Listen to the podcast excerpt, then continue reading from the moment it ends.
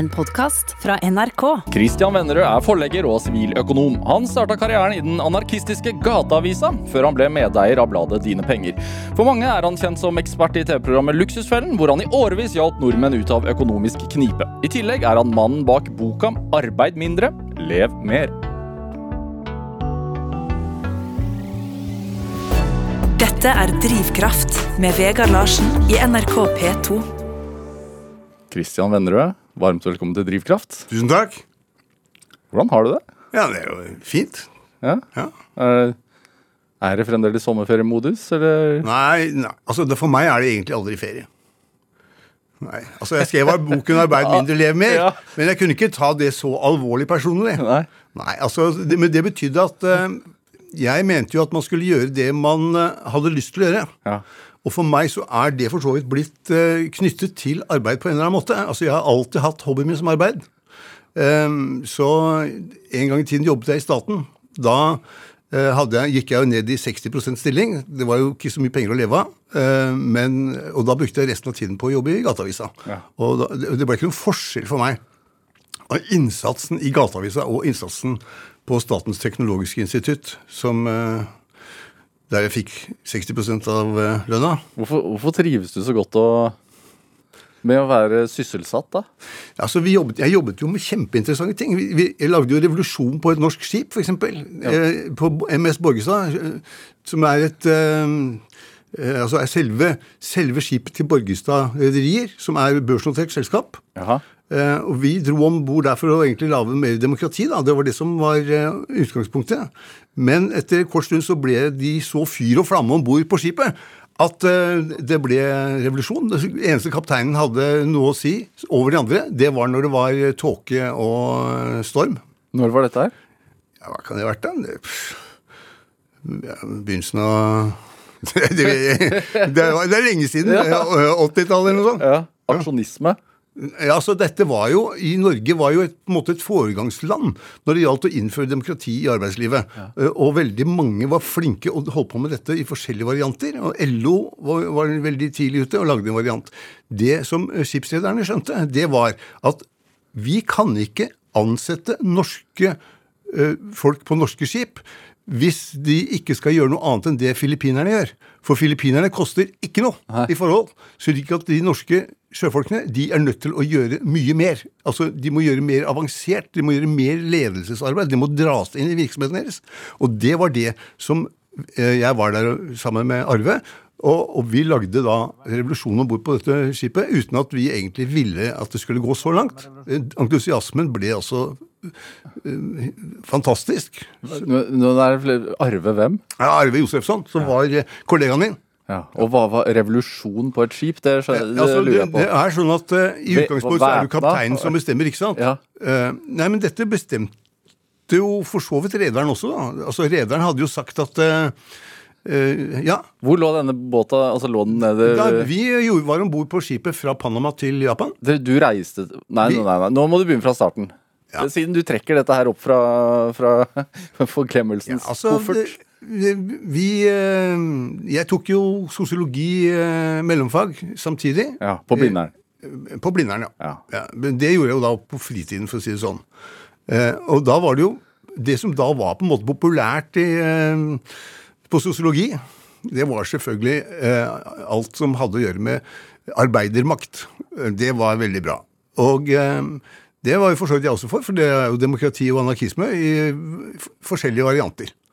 Og eh, da Borgestad Rederier ville da inngå et samarbeid med, med Rederiforbundet, Ja. og de betalte da Statens teknologiske institutt, hvor jeg jobbet, for å bidra med å få sving på om bord på dette skipet, som var flaggskipet til Borgestad Rederier. Og så kom vi om bord, da, og øh, var vi så entusiastiske og overbevisende at øh, øh, alle beslutninger ble flyttet til fellesmøte. Alle beslutninger av vesentlig art om skipets drift ble flyttet dit. Og det var et veldig stort eh, sprang, fordi at i gamle dager så var det slik at det var teknisk direktør som satt på land, som stort sett bestemte alt mulig rart. Når skal landet Når skal eh, skipet i dokk? Når skal det gjøres Når skal de pikke rust? Når skal de øh, reise? Og alt mulig. Det var bestemt av noen på land. Så alle disse beslutningene skulle nå flyttes om bord i skipet. Og det betydde selvfølgelig at ledelsen var nødt til å fatte en rekke ledelsesbeslutninger. Ikke bare sånn praktiske beslutninger om øh, hvor skal lasten ligge, og hva er første kurs. De måtte fatte på en måte beslutninger som om de drev en bedrift. Og det betydde at da måtte jo også de som jobbet lenger nede i organisasjonen, de måtte jo også da ta over en god del av de eh, jobbene som ledelsen hadde gjort før. Ikke sant? Så på denne måten så fikk du demokrati på arbeidsplassen på en veldig interessant eh, utførelse. Det var, etter min oppfatning, kjempesmart eh, gjort av eh, egentlig ledelsen i Rederiforbundet, som dro gjennom dette, og de rederne som uh, syntes at dette her var all tiders. Hvorfor er dette et godt bilde på hva skal man si, din eh, politiske eh, tro? Ja, det er et godt bilde for så vidt på at uh, verden går fremover. Uh, alle gode krefter skjønner etter hvert at det er anarkismen som er løsningen. Hva, hva sa du, husker du det? For å oppildne? Nei, altså vi ga jo ut uh, en bok, en liten bok, en pamflett er vel mer kanskje riktig å kalle det. Eh, og, eh, og den ble en slags bibel for alle de som fulgte etter. Men så kom skipsfartskrisen. Og da var ikke, da var ikke penger igjen i norsk uh, Hva sto det i den boka, den pamfletten? Eh, ja, sto, her, her, her var bruksanvisninger. Var sånn, du må gjøre sånn og sånn. Og du må skjønne at det ble fattet de beslutningene her og gitt eh, eh, ledelsen om bord i skipet rett til å fatte de beslutningene som tidligere teknisk direktør fattet. Ja. Så må man kunne leve med det. Og det kunne jo ikke rederen i Borgestad Rederier. Så da vi kom ned der eh, etter Etterpå så sa vi se her, så, så fint de har gjort her, og nå har de kjøpt, kjøpt inn et eh, supert sånt styringssystem, slik at de kan styre. Ja, hva kostet det, da? sa rederen. Ja, det koster 10 000 kroner. 10 000 kroner! Jeg, har ikke ønsket på, på at du kunne bruke 10 000 kroner på det. Jo, det har du egentlig ønsket på, for det var eh, Den retten fikk eh, ledelsen til å fatte beslutninger innenfor det området. Hvordan? Jeg skal ikke ha noe av noen konsulenter som kommer her og forteller meg hvordan jeg skal drive rederiet mitt! Ut! Nå blir vi sparka ut. Du blir ut, ja. Hvordan står det til med arbeidermakten i dag? Nei, jeg, Jo, det står jo for så vidt bra, da. Sånn sett. Altså, Altså er Arbeiderpartiet som styrer landet, ikke Men man kan diskutere om det er arbeiderne, eller om det er noen byråkrater på vegne av arbeiderne. Og det her er en vanskelig diskusjon. Ja, Hva tror du? Det er, det er jo byråkrater. Ja. Hvordan, hvorfor sier du det? Ja, fordi at eh, Jeg har jo sett eh, hva slags beslutninger de fatter. De, de, og de fatter jo nå må si det, jo, Som anarkist så er man jo skeptisk til eh, byråkratene, og, og sånn, men det finnes jo en god del gode byråkrater i Norge. Det kan man ikke komme vekk fra. Altså, man ser på hvor dårlige byråkrater det finnes i mange andre land, f.eks. Amerika, som skulle vært et foregangsland, ikke sant? eller EU, som også skulle være det. Så har vi faktisk ikke så veldig dårlige byråkrater i Norge. Altså, Man må jo stille litt eh, fingeren i seg selv og lukte hvor man er. Og da er, finner man jo ut at eh, Norge er egentlig et veldig veldrevet land relativt til alle andre. Dette er Drivkraft med Vegard Larsen i NRK P2. Og i dag er eh, forlegger og siviløkonom Christian Vennerød her hos meg i Drivkraft på NRK P2. Altså, øh, du, er, du er jo Du har jo fått på deg en sånn økonomiekspertknagg. Ja. Eh, på grunn av dine penger, selvfølgelig, og, og, og, og også på grunn av luksusfellen. ja. Trives du med den? ja. Altså, det, det aller morsomste jeg har gjort, var å lage dine penger. Det var helt ufattelig moro. Jeg, og det, det mest sjokkerende var Vi trodde vi hadde gjort alt riktig, og så måtte vi overta eh, dine penger sjæl. Det var konk. Så vi ringte Dine penger var et Dine penger var da et aksjeselskap som ikke vi eide. ja, det, Så vi var bare ansatt. Og et blad som kom ut altså, på starten av 80-tallet. Ja, sånn, 83 eller det første året. hvor, hvor mange utgaver? En gang i måneden? En gang i måneden. Ja. Ja, eller elleve ganger i året eller noe sånt. Ja. Ja. Så, uh, så, sa vi at eh, Hør her. eh, vi er nødt til å ta det over sjøl fordi det er konk. Eller så må vi eller Vi kunne også, vi hadde egentlig kunne tatt jobb i Orkla, men eh, Orkla Media. Men vi sa nei, vi gjør ikke det. Eh, så da Skal vi se, må vi gjøre det kort. Så sa vi det ålreit. Da kjøper vi det sjøl. Vi kjøper ut gjelda, og så ringer vi til alle dem vi skylder penger. Og så sier vi at hør, du kan ikke få noe penger før det er gått et år. Og så sa, så sa de ja vel, det var jo fælt. Ja, og alle være enige om det. Ellers så kan vi ikke gjøre det. Så sa alle ja. Ja. Eh, Fordi Karsten hadde vært helt fantastisk flink når vi ikke kunne betale. Vi hadde jo hatt problemer med å betale. Karsten Five. Karsten Five. Da ringte han til eh, folk sa han vi kan ikke betale neste måned, men vi kan betale måneden etterpå. Er det ok? Og så hadde folk sagt ja, det er ok. Men da fikk de pengene to måneder etter. Så vi hadde alltid gjort det vi lovte. Så da sa de ålreit, vi tar sjansen på dere i ett år. Så gikk det et år, og så fikk de penga. Hva var det som var interessant for deg å gå inn og bli medeier i et uh, magasin som skriver om økonomi, da? Ja, altså, jeg er jo økonom, da, for å si det sånn. Ja. Altså, Det Hva er er det jo som er så spennende med det? Det- Personlig økonomi er jo den interess mest interessante siden av uh, Fordi det Alt handler egentlig om individet. Ikke sant? Husk ikke at uh, selv når du driver en svær virksomhet med, hvor du selger uh, ja, Ford eller eh, Tesla eller eh, hva som helst, så er det jo Eller brettspill, sånn som du gjør. ja, akkurat. Så er det, men det er alltid én kunde. Det er jo kunden du er ute etter. Så det er jo individet du er eh, opptatt av. For det er individet som må kjøpe varen din til syvende og sist. Så eh, det å være økonom er et fantastisk ting, fordi det betyr at man er nødt til å fatte rasjonelle beslutninger.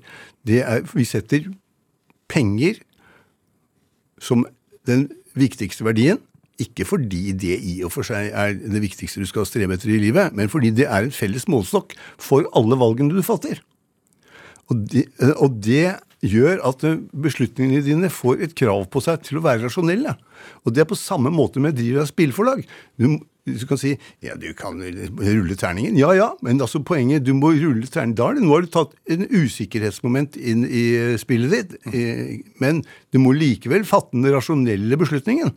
Og når jeg, spiller, når jeg har vært landslagssjef i bridge i ti år, så er det, verdens beste bridgespillere er jo norske. Det er det jo ingen som veit. Man vet at verdens beste sjakkspiller er nordmann. Ja. Men det norske landslaget i bridge er verdens beste landslag. Det kan man diskutere litt, men, vi, men det, er, det er noe helt annet å ha et lag som er verdens beste. Altså, hvem er verdens beste fotballspiller? Ja, det er mulig det er Ronaldo, det er mulig det er Messi. Eller Braut Haaland. Ja, eller Braut Haaland. Ja, det er riktig. Eh, men men eh, hvem som har det best, beste landslaget, det varierer veldig fra tid til annen. Og Sånn er det med norske landslag i brisj også. Noen ganger så vinner vi verdensmesterskapet, noen ganger vinner vi europamesterskapet, og noen ganger gjør vi det bare bra. Hva, hvordan er dette overførbart til personlig økonomi?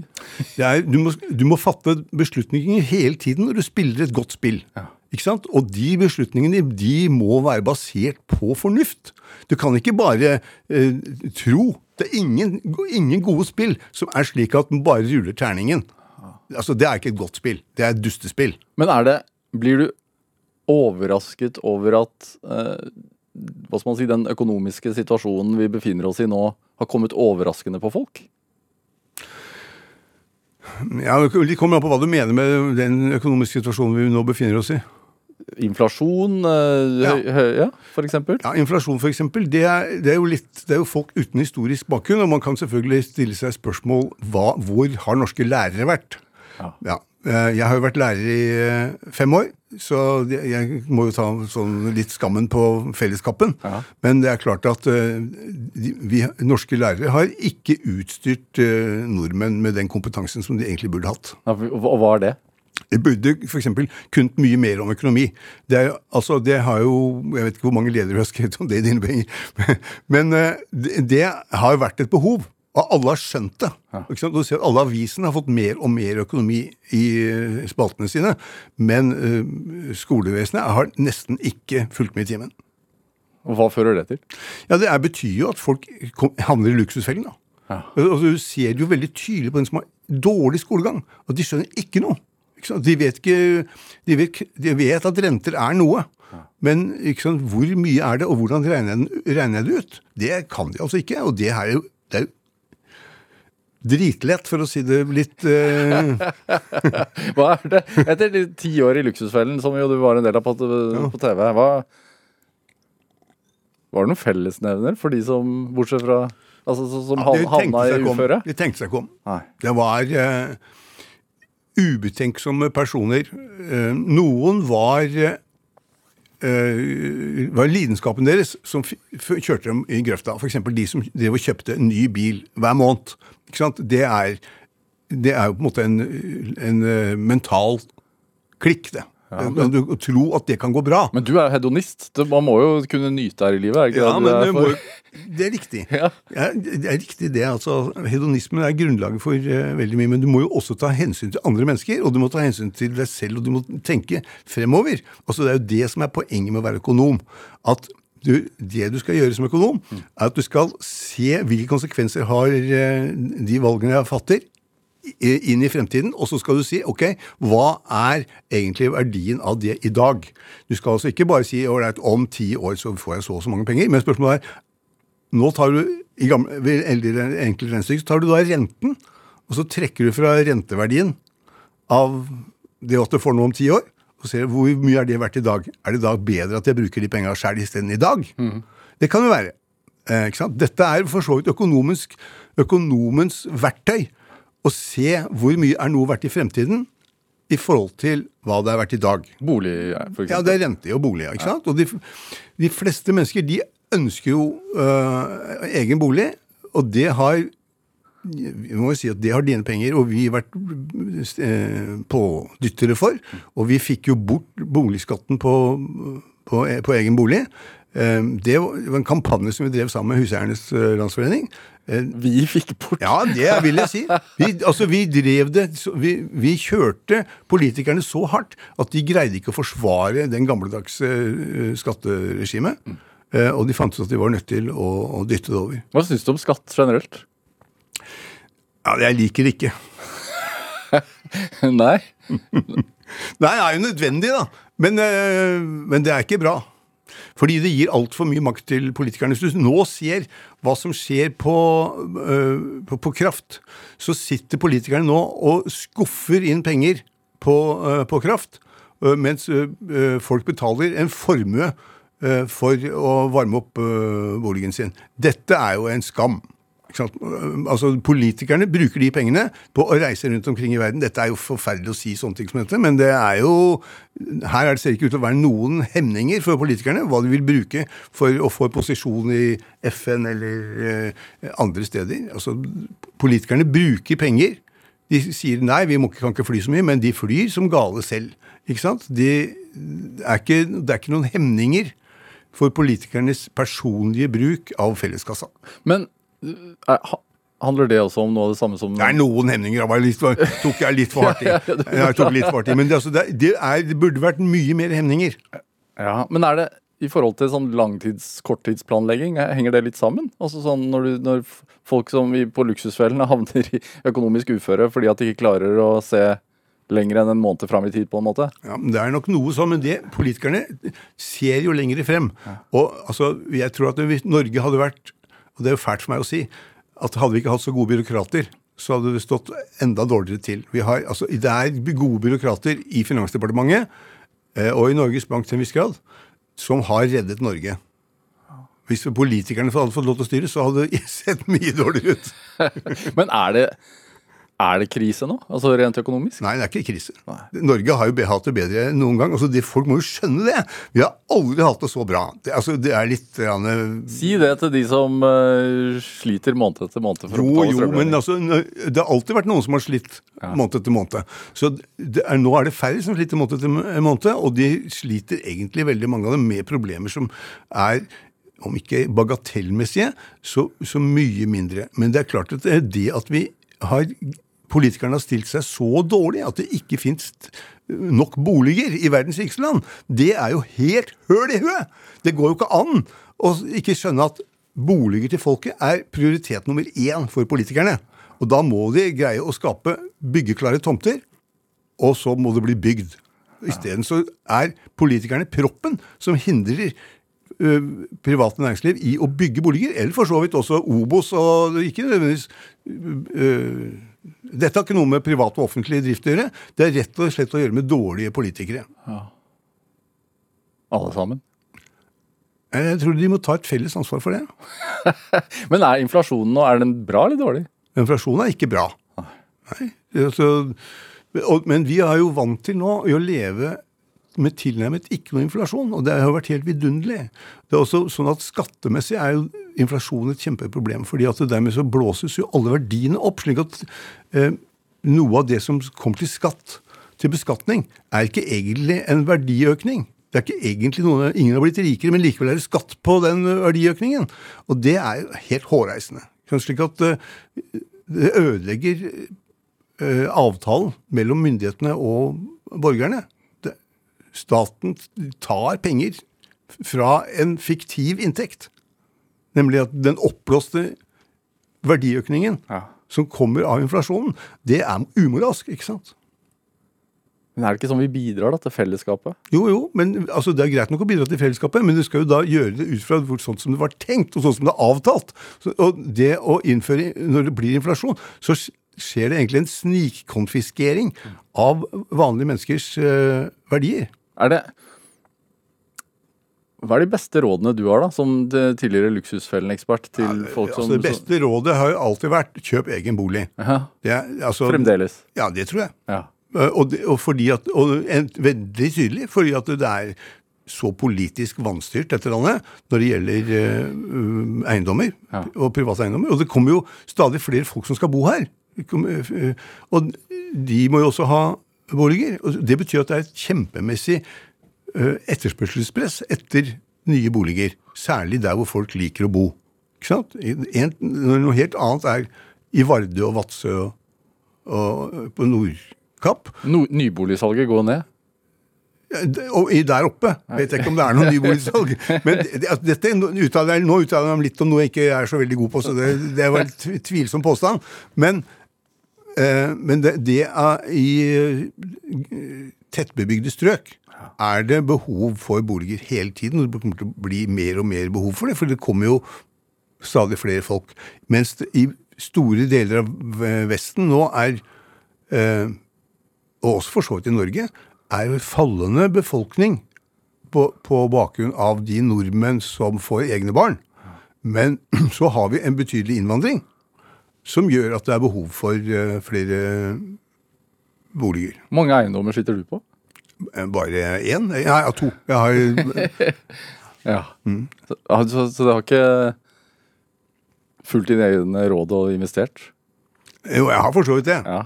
jeg, jeg, det var egentlig min kone som sa det. Nei, vi, nå vi flytter vi ut av Obos, og så flytter vi eh, inn i en eh, villa 100 meter lenger ned i gata. Så det er plass til alle barna. så det, sa jeg ok, da, sa jeg. Ja. da, men så jeg sa nei, nei, nei, nei. Så sa jeg ålreit, nå endrer boligmarkedet, sa jeg da. Tenker du Så nå kan kjøpe. Er, er, er penger et, et gode eller et onde i et samfunn? Det er et veldig gode. Det er, altså Uten penger ville vi ikke hatt den effektivitetsøkningen som vi har hatt. eh, Det som skjer, er jo at vi gjør en arbeidsdeling mm, oss imellom. Og den arbeidsdelingen har medført både veldig mye mer interessante jobber, men også en helt annen produktivitet enn det du kan greie aleine. Altså det, bonden som skal gjøre alt sjøl, fra liksom å bruke sin egen dritt fra utedoen til å gå ut og henge, legge den ut på jordet, og å hesje og slå gresset og bære det inn i Det er jo kjempe, kjempejobb, og det er jo helt fantastisk at eh, folk har eh, gjort det, og gjør det fortsatt. Men det er jo opplagt at uten traktor, for å si det sånn, som er en form for arbeidsdeling, at du overlater til du kjøper en traktor som noen andre har lagd. Dette er jo den moderne kapitalismen. At vi det arbeidsdeler ved å kjøpe varer og tjenester fra hverandre. Og det medfører at alle blir rikere. Så mye rikere at det er helt ubegripelig. Altså, vi har Er det noe sånt som én en eller to milliarder mennesker som virkelig er fattige i verden. ikke sant? Og de er eh, Man diskuterer hvordan man skal måle det, men poenget er at den absolutte, absolutte båndsjiktet i verden er blitt redusert betydelig. Slik at mens det alltid har vært en stor gruppe mennesker som har levd på nesten ikke noe, så er den gruppen i ferd med å bli borte. Altså i løpet av 100 år Ja. er den borte. Men den Fra 100 år fra nå. Altså, verden går fremover i en fart som er nesten umulig å tenke seg. Du må se på vi har, Hvor lenge har det bodd mennesker i, i verden? Er det 200 000 år? Eh, Ikke sant? Eh, Og i 200 000 år av de årene, bortsett fra de siste 200, Ja. har vi vært dritfattige. Og det har vært spørsmål om til vi skal å overleve. Det har vært spørsmål om sånn arbeidsdeling mellom mann og kone. liksom, og Nå må pappa komme hjem og vaske opp. Altså det er det, Han, er, han var ute og, og bar eh, ting på ryggen. ikke sant? Den det er bare problems, problemstillingen. At det skal ha en kjønnsmessig eh, rettferdighet. Det er en voldsom rikdom at man tenk, kan tenke på likestilling. Det kunne man ikke i gamle dager. Det, altså, hvis vi går 200 år tilbake, så er det klart at det, arbeidsdelingen mellom mann og kvinne det var en nødvendighet for overhodet å få uh, ungene til å overleve, Men den, uh, og for å få mat i huset. men den akselerasjonen, at, at det har blitt utjevnet, og, og at færre er fattigere på verdensbasis, og ikke, av- men den kan jo ikke bare fortsette å stige, den Jo. kurven. Kan vel? Kan den det, da? Ja. Den har kun på, prikker. på, på, hva heter det? På én planet? Ja, på én planet. ja. Folk lever lenger. Vi finner jo ut stadig måter å løse gamle problemer på. Eh, Vi som har for så vidt vært samfunnsengasjerte i 50 år, eller mer eh, vi, vi har jo stadig opplevd at det er nye kriser som kommer. Ikke sant? Ozonlaget er eh, et sånt kjempeeksempel. Ozonlaget skulle ødelegge alt. Jeg husker ikke hvor lenge det er siden, 20 eller 30 år siden. Da skulle jo liksom hele vi kom til å bli svidd opp alle sammen. Vi, måtte, eh, vi må alle sammen gå med skyggeluer og eh, kan, kan ikke gå ut pga. ozonlaget kommer til å svi oss av, og det blir ikke mer mat. Fordi at uh, kornet kommer til å bli s- gå i filler pga. at sola skinner tvers igjennom ozonlaget. Det var jo da scenarioet som vi var eh, stilt i utsikt. Så viste det Ops! Det fiksa seg sjøl. Det, og det er en del av disse scenarioene her. når du leser om tørken i verden i dag, så tenker du sånn ja ja. Jo, nei, det, nei, nei. Det, er, det er helt sikkert et uh, alvorlig problem. Men at det ikke lar seg fikse, det tror jeg ikke noe på. Eh, Kristian Vennerød, hvor, hvor ofte må du tenke over eh, prisen på brød i butikken? Aldri. Nei. Jeg vet ikke hva det koster. Nei. Jo, jeg vet hva det koster. Det koster nesten 40 kroner nå for et brød. Ja. Og det er eh, eh, betydelig dyrere enn da jeg jobbet i brødbutikk. Eh, for, for da var det Det som har skjedd i Norge, det er at brødbutikkene er blitt samlet på færre hender. Og så har de fått kontroll. Mens brød en periode ble brukt som lokkevare. Altså, kjøp billig brød til to kroner ikke sant? Eh, hos oss. Så gikk folk og kjøpte hos Rema eller hvem, hvilken butikk det var som hadde Ja. det. Så plutselig så falt det bort. og Folk syntes at det var, det var ikke viktig nok å få billig brød. Så det datt ut. Og så ble isteden kvalitet på brødet som begynte å bety noe. Og det er jo interessant. Her er, det er det eneste området omtrent hvor det er konkurranse i matvarebransjen på produktene. Og hvor mye bedre er ikke brødene blitt? Det er jo helt fantastisk mye bedre. Så du baker ikke sjæl, si. Jeg gjorde det før. Eh, vi skal spille litt musikk. Hvor Frank Sinatra, 'Luck Be a Lady', hvor mye har flaks hatt å si for deg? Det er virkelig eh, Ja, det er mye. kan si. Jeg er jo blitt født i Norge. Det er jo kjempeflaks i seg sjøl. Men hvorfor denne låten? Eh, altså, Lac Be det er Frank Sinatra, er jo den store mannen i eh, moderne crooner-virksomhet. Han eh, virkelig kunne synge. Han lærte å synge av eh, en eh, saxophone-player, tror jeg. eller trompetist, et eller annet sånt, så han gjorde, brukte stemmen som et musikkinstrument. Og det var nytt. Det hadde å gjøre med Jeg, jeg, jeg kan ikke de tekniske tingene, men han sier, forteller det selv. At, eh, at det gjorde han. Og, og eh, jeg er gammel trommeslager fra jeg har spilt i guttmusikken. Og rytmen er viktig, og det skal være synkoperte rytmer for meg. Det skal være jazzrytmer. Hvis det er bare dunk, dunk, dunk, dunk, dunk, så er det for lite interessant. Det må være dunk, dunk, eller et eller annet sånt noe for at det skal være interessant. Og, og uh, Frank Sinatra han behersker på en måte alle sider ved dette. Han er en fantastisk teknisk god sanger, og han var jo da på topp i 50 år. Eller mer, kanskje. Når hører du på dette her, da? Jeg, jeg hører på ham når jeg sitter og spiller bridge, f.eks. På nettet. Så har jeg musikken gående ved siden av. Ja. Hva, hva, gir det da? Det er, det er jeg blir, Av og til må jo trampe takten, ja. Mens du spiller bridge? Ja. ja. Det er fint. La oss høre.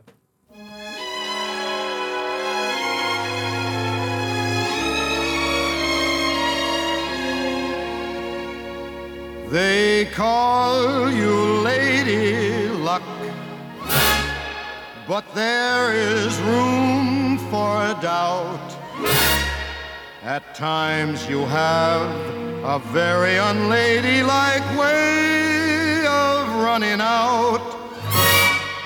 You're on this date with me. The pickings have been lush. And yet, before this evening is over, you might give me the brush. You might forget your manners. You might refuse to stay. And so, the best that I can do is pray.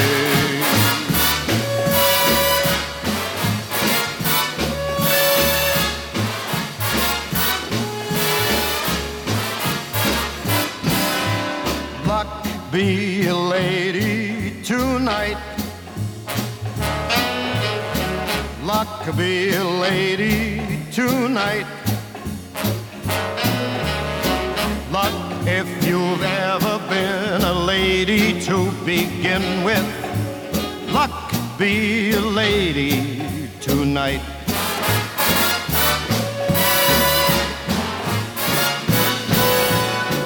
luck let a gentleman see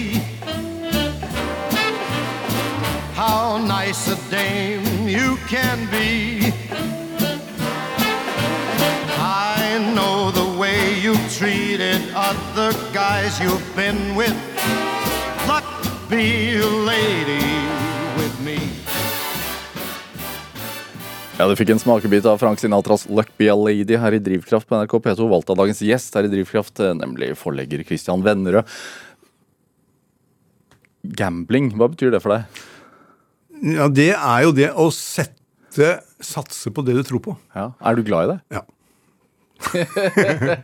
det er egentlig det. Du må backe opp dine meninger med penger. Ja. Uh, og det er, det, det er veldig gøy. Når skjønte du at du likte gambling? Nei, det vet jeg ikke. Det er veldig langt tilbake. Min, min far var jo bridgelærer under krigen. Øyvind Vennerød? Ja. ja. Og uh, Norges viktigste filmprodusent i 20 år eller noe sånt nå. Lagd noen av de mest sette filmene i, ja, i hjernen er ja. En million uh, som har vært og sett eller noe sånt. Mm -hmm. så han uh, var da bridgelærer under krigen. Han måtte finne på et eller annet for å tjene penger på. Uh, og, av, og, det er jo for, for så vidt veldig interessant. At tyskerne, uansett hva man kunne si negativt om dem, så skjønte de det. At enkelte ting må være der i en kulturnasjon. Og det er, folket må få lov til å møtes for å spille sjakk og bridge. Så var, de, de, to var unntatt fra forsamlingsforbudet. Det var altså forbudt å sam, samle mange mennesker på et sted, men ikke hvis de spilte sjakk eller bridge.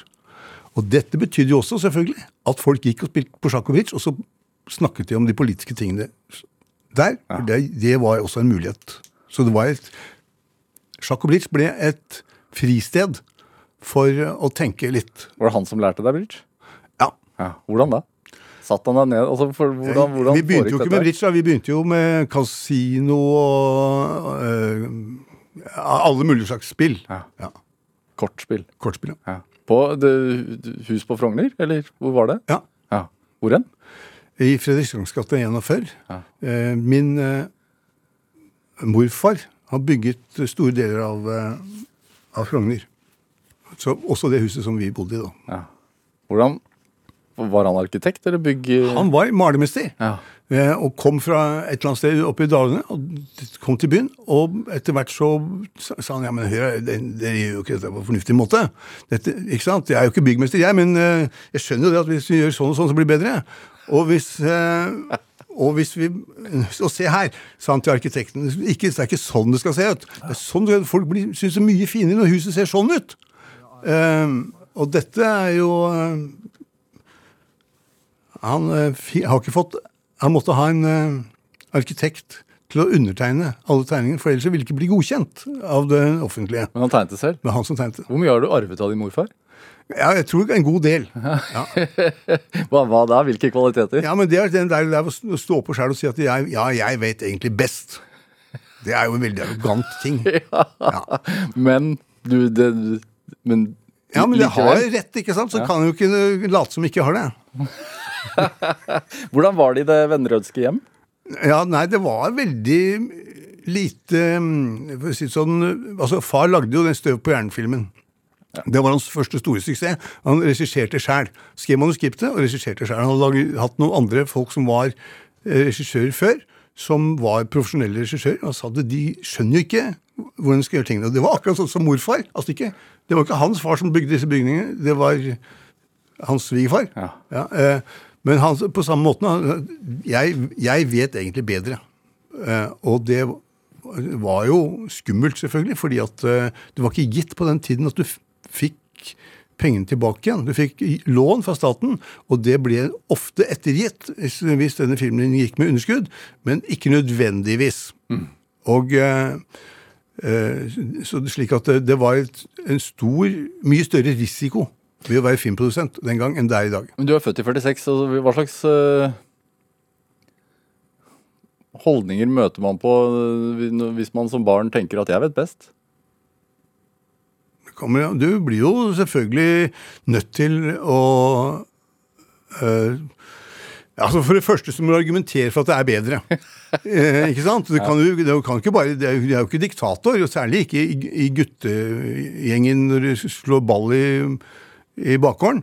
Men jeg foreslo veldig ofte endringer i spillereglene der. Jeg vet det. Dette har blitt holdt mot meg av eh, de yngre deler av familien, som måtte finne seg i mine forslag til bedre regler Enn det som er i spillet? enn det som var i spillet. Når vi slo ball, eksempel, Ja. så er bedre Hør her, vi liksom- Dette laget er ikke rettferdig. Vi må gjøre noe for at det skal bli uh, likere uh, likere lag. Ja. Ikke sant? Han må gå over, eller eh, Han må gå over på det andre laget, ja, for eksempel. Nei, nei, nei! nei. Ja, ikke sant? Jo, det, vi må gjøre noe sånt. Eller eh, Hun må få lov til å få fem meter forsprang, ellers har hun ingen sjanse til å komme over på den andre siden eh, før hun blir tatt. Hvordan er det å spille med deg, da? Altså, jeg mener at det, det gjør jo at spillene blir mer interessante. Ja, hvordan er du når du spiller, spiller mot egne barn og sånn? Altså, nå er de store, men Ja øh, Nei, det vet jeg ikke om det har vært noe problem. Jeg er ikke så veldig interessert i å vinne mot mine egne barn. Det, eh, men det er, det er jo spørsmål om å finne Jeg blir ikke mistenkt for det. At jeg prøver å fikse reglene egen til egen fordel. Men det ble jeg mistenkt for som barn. Men det mener jeg var helt urettferdig. Jeg prøvde å lage et bedre spill. Eh, eh, og, det, og det er for det jeg holder på med hele, hele tiden. Altså, I Venner og forhold så er det det vi holder på med. Vi lager et bedre spill. Det er mange spill som vi har som uh, fins andre varianter av. Uh, nå har vi for eksempel, nå har vi jo til og med gått lager puslespill, og nå har vi lagd puslespill med Lisa Aisatos eh, tegninger. De er jo helt nydelige. Det er jo det er ingen andre puslespill som har så fine motiver. Ikke sant? Vi, du får en skikkelig kunstner til å lage motivene, som lager akkurat det du vil ha, nemlig eh, naturbilder og barn og sånt. Det er noen eh, Det er, jeg har jo to av bildene til henne hengende over i senga mi. Eh, De er, det er sånn, sånn bilder skal se ut. Er det Dette med øh, anarkisme, Ja. som du har øh, frontet i, i mange år, og selvutnevnt anarkist. Ja. Når kom dette her inn i verdensbildet ditt? Ja, det var jo da jeg var ferdig på. Eh, eh, så det var egentlig da jeg begynte i, eh, i Gateavisa. Og altså broren min, Petter Vennerød, han øh, erklærte seg som øh, anarkist. Så Petter og jeg vi drev noe som het Romerike Teater sammen. Det var før jeg begynte i Gateavisa. Og det, det var på en måte et øh, anarkistisk prosjekt. Hva er anarkisme, sånn som du ser Ja, det? Det er veldig vanskelig å definere sånn helt eksplisitt. Men på en måte, anarki betyr jo ingen hersker. Ja. Slik at det betyr jo at på en eller annen måte så må eh, fellesskapet fatte beslutninger. Det er en kollektiv beslutning. Eller du som individ har du rett til å herske over deg sjæl. Da skal ingen andre herske over deg. Men du må jo inngå frivillige allianser med andre mennesker. Og det er jo anarkisme. Frivillige allianser. ja. Frivillighet. Ja, frivillighet. ja. Siviløkonom anarkist henger jo liksom ikke helt Jo, det henger glimrende sammen. Alt, du kan si, eh, Siviløkonomen er jo på mange måter basert på eh, markedet. Ja. Og det, markedet det er en logikk som eh, kommer frem av at mange mennesker tenker og fatter beslutninger hver for seg. Og så kommer det beste frem. Og det er jo det som har gjort at vi har fått den utrolige rikdommen som vi har fått i Vesten. Det er fordi at det er markedet som har fått lov til å styre. Så I Sovjet, hvor man ikke fikk eh, lov til å ha markedet til å fungere, så til tross for at det var et av de rikeste landene i utgangspunktet i Europa, så gikk det rett til helvete, for å si det rett ut. Men er markedet fritt? Nei, markedet er ikke fritt. Og jeg tror ikke at markedet kan være helt fritt heller. Altså øh, det, som, det er et problem hvis enkelte aktører blir for store og for dominerende i markedet. Fordi vi, Når vi snakker om at markedet skal være fritt, så tenker vi oss egentlig at det er veldig mange små aktører som alle sammen fatter be- beslutninger for seg selv. Og da blir det logisk for, som et fellesskap. Det er som en fotballklubb, for så vidt. Alle medlemmene i fotballklubben uh, har lov til å mene noe om hva som skal gjøres. Det må falle seg en, en felles uh, beslutning. Man må dette ned på et eller annet. Skal vi bygge en ny bane? Skal vi uh, kjøpe inn en ny spiller? Eh, alle disse beslutningene må fattes på et eller annet vis. Og så har man jo en generalforsamling da, for, eksempel, for å bestemme hvis det er én ting som må bestemmes. Og Så får man gå ut av klubben da, hvis man ikke er fornøyd. Det, hva, tenkte, altså, hva drømte du om som, som tenåring? Altså, faren din var jo kunstner. Ja, det kan man si. Eh, broren din gikk jo en kunstnerretning. Ja, jeg tror begge syns at de er litt svett å kalle seg for kunstnere. Det, altså, fordi det er en så betent uh, Drev med kulturproduksjon, da. i hvert Ja, fall. de, de produserte jo filmer. Da. Hva, hva, hva, hva med deg? Altså, du gikk jo økonomiretningen. Altså, Ja, nå er jo det en del av det de drev, de drev med også, selvfølgelig. Men, ja um, men tenkte, hadde, hadde du tidlig noen mål? Jeg spurte faren min om jeg skulle gå inn i filmbransjen. Ja. Og sa nei, du har jo altfor godt hode til sånn. og det, det han, han mente jo at det var et problem at man da utsatte seg for norske byråkraters uh, goodwill. Ikke sant? Han hadde jo opplevd det selv, at uh, spilte ikke noen rolle at det var Norges mest produserende filmprodusent, som far var, i 20 år, og at han alltid betalte tilbake de pengene han hadde lånt av staten. Han fikk likevel ikke låne til sitt neste prosjekt. Det syntes han var helt hårreisende. Altså at det at du hadde produsert en film nesten i året i 20 år, og, aldri, og alltid hadde staten fått tilbake pengene han hadde lånt av dem, at det ikke skulle ta hensyn til når det gjaldt om han skulle få støtte til neste film, det, det, det, det forsto han ikke. Sånn statsforakt, holdt jeg på å si. Det ble Ja. sådd tidlig hos deg, da. Det, det Ikke bare det, men også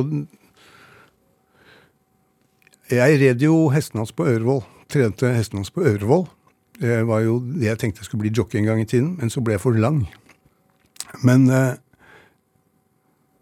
det som var den store tragedien eh, økonomisk sett i mitt fars liv, det var at han drev da filmproduksjon og hesteoppdrett i samme selskap. Så sier staten, etter at han har hatt det i mange år, nei, det går ikke. Det kan du ikke få lov til.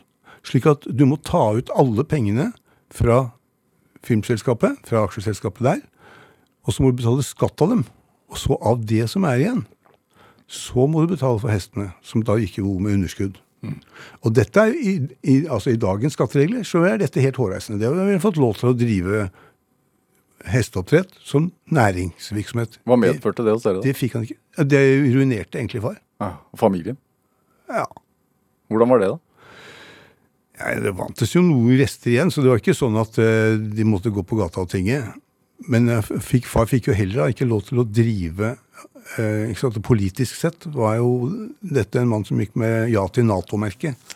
Det var ikke en sånn person som ble sett med blide øyne på fra dem som satt og bestemte i hvem som skulle få statsstøtte til film. Det er fælt å si. Ja. Hva betydde det emosjonelt, tror du? Altså sånn Hva betydde det? emosjonelt, fordi penger er jo én ting, men Nei, altså det at han ble fratatt uh, uh, yrket sitt, Ja. det Og det var, us, det var usaklig, for å si det sånn. Altså, hans uh, prosjekter var veldig gode. Og dette lærte jo min bror av. Ja. Så de, han og Sven Wam de balanserte jo på en knivsegg for å få statsstøtte til å drive egentlig kommersielle prosjekter, men kamuflert som anarkistiske venstresideprosjekter. hva betydde det for deg, tror du? Altså Har det gjort noe med det, ditt behov for å stå på egne ben? Ja, det tror jeg nok. Og, altså, og litt forakten for eh, byråkrater. Jeg, det jeg er litt dobbelt der, for jeg vet at det finnes veldig mange gode byråkrater som egentlig er redningen for Norge. Så, så, det, eh, så det er egentlig misbruket av den byråkratiske makten som virkelig får det til å gå kaldt nedover ryggen på meg. Hvor gammel var du da da dette skjedde? Ja, jeg var jo, satt jo og hjalp far å klippe film og sånn da jeg var, gikk på skolen. Så gikk fra skolen og ned og, og hjalp far å lime sammen gamle tapebiter for å bruke lydbåndtapen en gang til. Ja. Ikke sant? Eh, Jeg var, på opp, jeg var og så på opptakene av eh, Støv på hjernen på Lambertseter. så- som, eh, Så jeg 59? ja. Ja. Så jeg, jeg levde jo i uh, det der, og vi diskuterte altså, Far kom med forslag til filmmanuskript, så leste vi sammen gjennom filmmanuskriptet, og kom med feedback tilbake. Ja. Var det også liksom grunnen til at For du var jo Frogner-gutt som gikk inn i Gateavisa, f.eks. Ja. Det var de fleste som gikk inn i Gateavisa. Ja, og det lå på Majorstua. eh, Hjelms gate 3. Hva slags sted var det? Ja. Hva? Hva slags sted var det? Hjelms gate? Altså, det, I utgangspunktet var jo det en eh, gjeng med friks. eh, mennesker som på en måte var på kanten av eh, samfunnet. Veldig mange av dem var jo opptatt av biodynamisk eh, spising. Det var jo ikke, det var ikke noe særlig god mat vi fikk når vi jobbet sent om kvelden, etter min mening. fordi det var, måtte jo være vegetarianer for å sette pris på det. Og det har jeg aldri vært. Men vi spiste jo. Det var helt ok. Ja. Hva var målet ditt? Og tanken bak det? Å begynne å skrive der? Det var egentlig øh, Det var mer et uttrykksbehov for å uttrykke meg og for å finne ut av ting. Det var ikke Jeg hadde ikke noen hadde ikke noe konkret mål. Hva var det du ville finne ut av? Ja det, ja, det var jo på en måte grensen for friheten, da. Hva vil jeg si?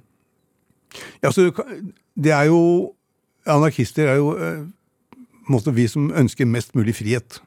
Men det er mest mulig. Altså, vi er, kan, vi kan, det er ikke, det fins ikke noe absolutt frihet. Du kan ikke flyte Det hadde vært fint om jeg kunne for så vidt bare gå ut av vinduet og så fly ut. ikke sant? Men da ville jeg falle ned og slå meg i hjel. Ikke? Så man må jo ha en viss eh, oppfatning av forskjellen om hva som har vært fint, og hva som er mulig.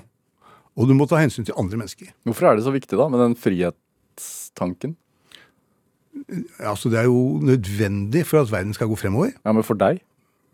Jeg mener at Det er ikke noe forskjell på det som er viktig for meg, og det som er viktig for alle andre. Nei. Men er det Hvorfor er det så misforstått, da?